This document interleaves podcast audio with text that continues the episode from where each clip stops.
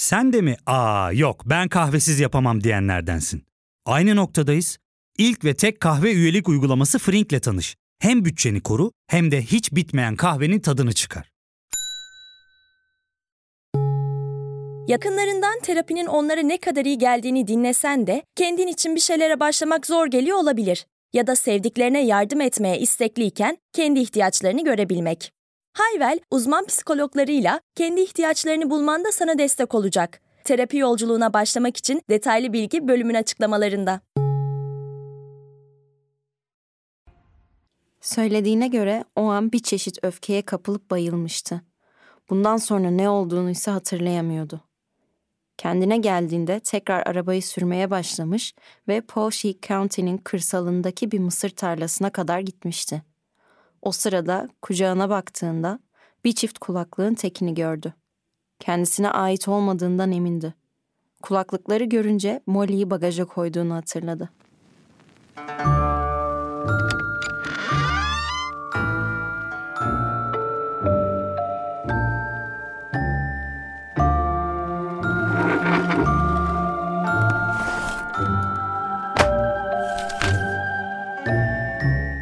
Ben Sezgi Aksu. Burası Karanlık Dosyalar. Bugün sizler için Molly Tibbet vakasını seçtim. Ne dersiniz? Hazırsanız başlayalım mı?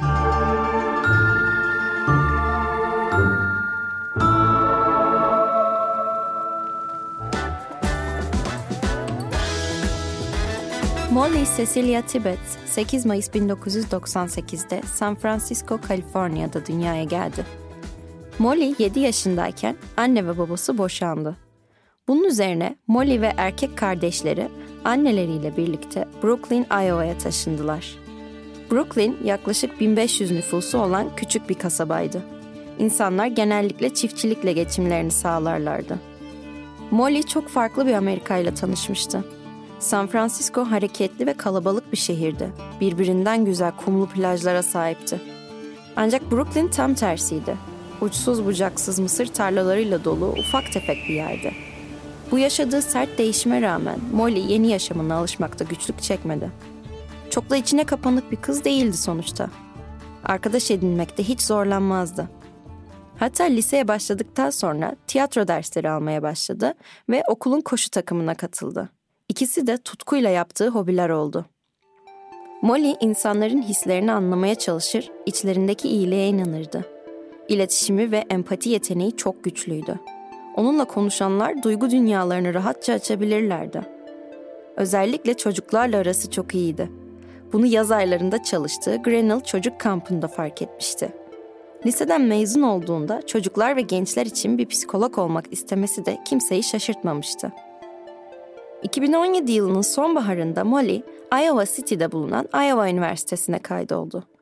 Psikolojideki birinci yılını tıpkı herkesin beklediği gibi başarılı bir şekilde tamamladı ve ardından yaz tatilini geçirmek için Brooklyn'e döndü.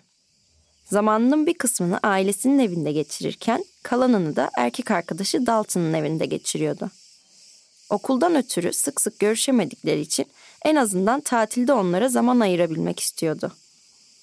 17 Temmuz 2018'de Dalton bir inşaat projesinde çalışmak için kasaba dışına çıkacağından Molly'den onda kalmasını ve köpeklerine göz kulak olmasını rica etti. 18 Temmuz akşam saat 7 civarında Molly her zaman yaptığı gibi akşam koşusuna çıkmak için hazırlandı.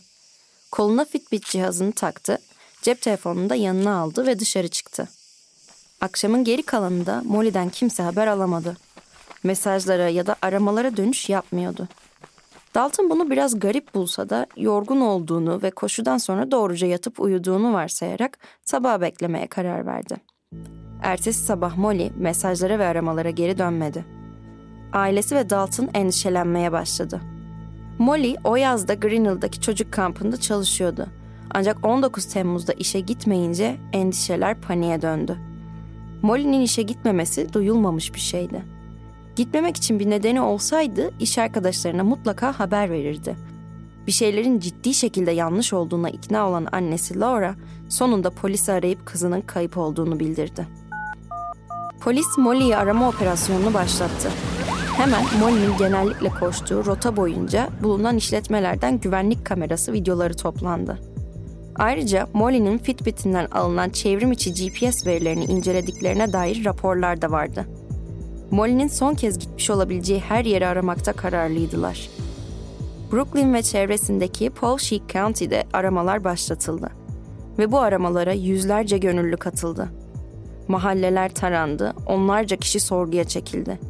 Öyle ki soruşturma sırasında polisler 500'den fazla kişiyle görüşmüştü. Molly'nin güvenli dönüşünü sağlayacak ya da bu konuda bilgi verecek kişilerin ödüllendirileceği duyuruldu. Bu ödül zamanla 400 bin doların üzerine çıkacaktı. 26 Temmuz'da müfettişler Brooklyn'e yakın olan Guernsey, Iowa'da bir domuz çiftliğini aradılar. Çiftlik daha önce kadınları takip ve taciz etmekten tutuklanan Wayne Cheney'e aitti. Ancak Molly domuz çiftliğinde bulunamadı. FBI davaya atandı ve 3 Ağustos'ta FBI ajanları domuz çiftliğine geri dönüp Sheeney ile ikinci kez görüştü. Sheeney ise onlara Molly Tibbets'i daha önce hiç görmediğini söyledi. Tekrardan evini aradılar ve cep telefonu kayıtlarını da incelediler. Sheeney hiçbir zaman resmi olarak Molly'nin ortadan kaybolmasıyla ilgili bir şüpheli veya ilgili kişi olarak adlandırılmadı. Buna sebebiyet verecek miktarda kanıt bulunamamıştı. 15 Ağustos'a kadar tüm aramalara rağmen Molly'den hala bir iz yoktu. Yetkililer arama alanlarını daraltmaya başladılar. Artık sadece Brooklyn ve çevresindeki 5 yer önemliydi. Dalton'ın evi, bir araba yıkama dükkanı, bir kamyon durağı ve iki tane çiftlik.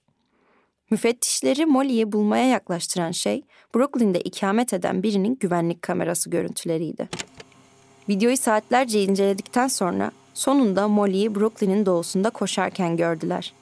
Görüntülerde ayrıca birkaç kez ileri geri giden ve sonunda Molly'yi koşarken takip eden siyah bir Chevy Malibu'da görülüyordu. Araba hakkında bir soruşturma başlatıldı ve Brooklyn'deki bir mandıra çiftliğinde çalışan Meksikalı 24 yaşındaki Christian Bahena Rivera ile bağlantılı olduğu keşfedildi. Rivera polis tarafından tanınmıyordu ve yetkililerin önceki haftalarda yaptığı aramalarda adı geçmemişti. 20 Ağustos'ta müfettişler Rivera'yı gözaltına aldı. Rivera ise direnmek için hiçbir çaba göstermedi ve hemen yaptıklarını itiraf etti. O akşam Molly'yi koşarken gördüğünü ve park ettiği arabasından onu takip ettiğini söyledi. Ardından onu yaya olarak kovalamaya başlamıştı. Molly bundan son derece rahatsız olmuş ve korkmuştu. Ona kendisini rahat bırakmasını ve oradan uzaklaşmasını, eğer peşini bırakmazsa da polisi arayacağını söylemişti. Molly arkasını döndü ve tekrar koşmaya başladı. Rivera ise söylediğine göre o an bir çeşit öfkeye kapılıp bayılmıştı. Bundan sonra ne olduğunu ise hatırlayamıyordu. Kendine geldiğinde tekrar arabayı sürmeye başlamış ve Poweshiek County'nin kırsalındaki bir mısır tarlasına kadar gitmişti. O sırada kucağına baktığında bir çift kulaklığın tekini gördü. Kendisine ait olmadığından emindi. Kulaklıkları görünce Molly'yi bagaja koyduğunu hatırladı. Arabadan inip bagaj kapısını açtığındaysa genç kız şakaklarından kanlar akarken hareketsiz yatıyordu. Ya fark ettin mi? Biz en çok kahveye para harcıyoruz. Yok abi, bundan sonra günde bir. Aa, sen Frink kullanmıyor musun? Nasıl yani? Yani kahvenden kısmına gerek yok. Frink'e üye olursan aylık sadece 1200 TL'ye istediğin çeşit kahveyi istediğin kadar içebilirsin. Günlük 40 TL'ye sınırsız kahve mi yani? Çok iyiymiş. Aynen. Hatta şu anda 200 TL'lik bir indirim kodu da var. E hadi hemen indirip üye ol da bu fırsatı kaçırma. Terapiye başlamak, içinden çıkamadığın döngüleri kırmak, bazı yanlış bulduğun kararlarını değiştirmek ve kendinle beraber daha huzurlu bir yaşam inşa etmek için atabileceğin en değerli adımlardan biri. Hayvel ile yoğun yaşam tempona uyum sağlayarak online terapi seanslarını takvimine göre ayarlayabilirsin. Bini aşkın uzmandan sana en uygun terapisti seçebilir, PodB10 koduyla indirimden yararlanabilirsin. Detaylı bilgi açıklamalardaki bağlantıda. 21 Ağustos'ta Rivera müfettişleri cesedi bıraktığı yere götürdü. Bagajda Molly'nin cesediyle karşılaştıktan sonra onu mısır tarlasına yaklaşık 20 metre kadar taşıdığını söyledi. Onu mısırların arasında yüzü yukarı bakacak şekilde yatırmış ve üzerini de mısır yapraklarıyla kapatmaya çalışmıştı. Molly'nin otopsisi ise onun birden çok keskin kuvvetle vurulma sonucu açılan yaralardan öldüğünü ortaya çıkardı. Cinsel saldırıya uğrayıp uğramadığına dair bir kanıt yoktu. Iowa Suç Soruşturma Bölümünden sorumlu özel ajan Rick Wren, otopsi ardından düzenlediği basın toplantısında Molly ile katili arasında daha önce koşarken görmesi dışında hiçbir bağlantı olmadığını söyledi. Onu öldürmek istemesi için bir sebep görünmüyordu. Bu rastgele bir saldırıydı. 22 Ağustos'ta Rivera birinci derece cinayetle suçlandı ve 5 milyon dolarlık kefalet ile tutuldu. Sadece nakit ödenmesi halinde serbest kalabilecekti ve tahmin edildiği üzere kimse bunu ödemedi. 19 Eylül'deki duruşmalar sırasında ise suçsuz olduğunu iddia etti. Rivera'nın tutuklanması Amerika Birleşik Devletleri'nde göç hakkında tartışmalara da yol açmıştı. Görünüşe göre Rivera aslen Guerrero, Meksika'dandı ve 17 yaşındayken kaçak bir şekilde Amerika'ya yerleşmişti. Ülkeye geldiğinden beri birkaç farklı çiftlikte çalışmıştı. Bu olay göçmen karşıtı politikalarıyla bilinen dönemin başkanı Donald Trump'ın da dikkatini çekmişti. Trump taziyelerini iletmek için Molly'nin ailesini asla aramamasına rağmen Molly'nin cesedini keşfedilmesinden sonraki gün 22 Ağustos 2018'de kendisinin bir videosunu tweetledi ve şunları söyledi. İnanılmaz bir genç kadın olan Molly Tibbetts şimdi ailesinden kalıcı olarak koparıldı. Çünkü Meksika'dan bir kişi yasa dışı yollarla ülkemize geldi ve onu öldürdü. Bir sınıra, duvara ihtiyacımız var. Göçmenlik yasalarımızın değişmesine ihtiyacımız var. Sınır yasalarımızın değişmesine ihtiyacımız var. Ancak Amerika'daki birçok insan Trump'ın sözlerinin samimiyetine inanmamakla beraber Molly'nin ölümünü kendi politikası için kullandığını düşünmekteydi. Özellikle de aileye taziyede bile bulunmamış olması tepki çeken sebepler arasındaydı. Göçmenlerle Amerika doğumlu vatandaşların işlediği suçlar karşılaştırıldığında gerçek Trump'ın öne sürdüğünden oldukça farklıydı. Medyanın da bu konuyla ilgilenmesiyle Amerika Birleşik Devletleri'nde göç oranlarıyla şiddet içeren suçlar arasında pozitif bir ilişki olmadığını gösteren çok sayıda çalışma olduğu ortaya çıktı.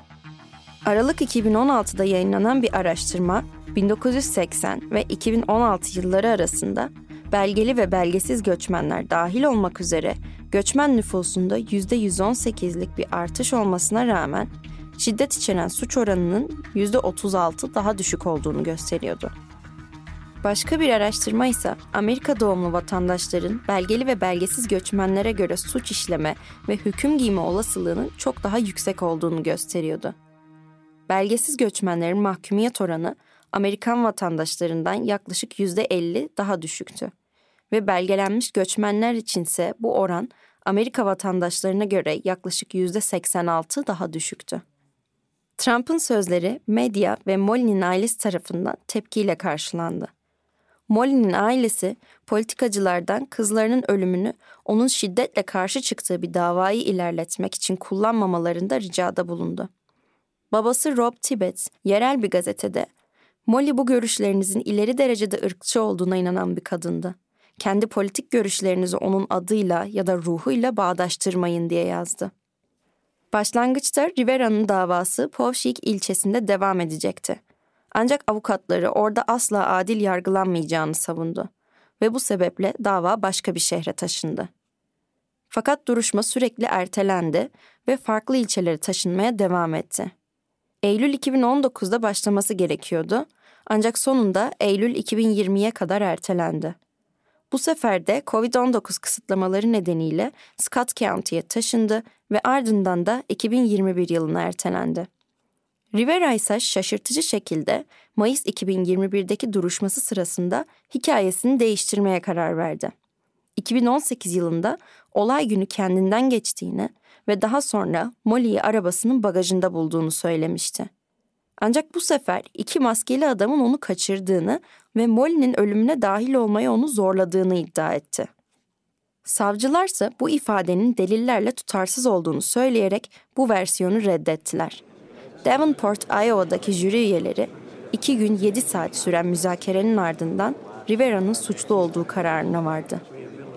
Rivera'yı mahkum eden yargıç Yates ise ona sen, sadece sen Molly Tibbetts'i sevenlerin hayatlarını sonsuza dek değiştirdin dedi. Ancak suçlu olduğu kabul edilse bile Cezanın belirlenmesi konusunda emin olabilmek amacıyla yargıç Yates, cinayetten başkalarının sorumlu olabileceğini öne süren iki iddiayı savunmanın soruşturmasına izin vermek için ceza kararını erteledi. Ağustos ayının başlarındaysa bu iddiaların asılsız ve güvenilmez olduğu sonucuna vardı ve vereceği kararı bozmak için hiçbir neden görmediğini söyleyerek Rivera'yı ömür boyu hapse mahkum etti. Molly'nin annesi Laura Calderwood, Rivera'dan ailesinin hissettiği acıyı hayal etmesini istedi. Kendi ailesi, küçük kızı da dahil olmak üzere böyle bir trajedi yaşasaydı nasıl hissedeceğini sordu. Umarım bir gün kızınız Paulina anne olma fırsatı bulur. Ama sizce Paulina çocuklarına büyük babalarının kim olduğunu nasıl açıklayacak? Bu sizin çocuğunuza bıraktığınız tek miras olacak Bay Rivera.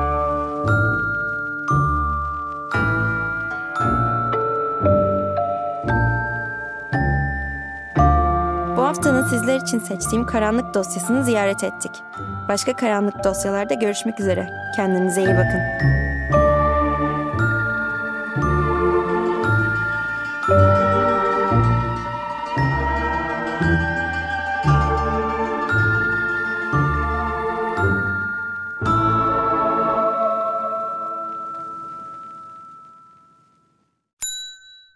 İlk ve tek kahve üyelik uygulaması Frink, 46 ildeki 500'den fazla noktada seni bekliyor. Açıklamadaki kodu girerek sana özel 200 TL'lik indirimden faydalanmayı unutma. Hadi sen de Frink üyeliğini başlat, kahven hiç bitmesin. Hem bugününe hem yarınına katacaklarıyla terapi yolculuğuna ve daha iyi hissetmeye bugün Hayvel ile başla. Açıklamadaki linkten Hayvel'i indir, ücretsiz tanışma görüşmelerinin ardından bütçene uygun seans paketini seç ve terapi yolculuğuna başla.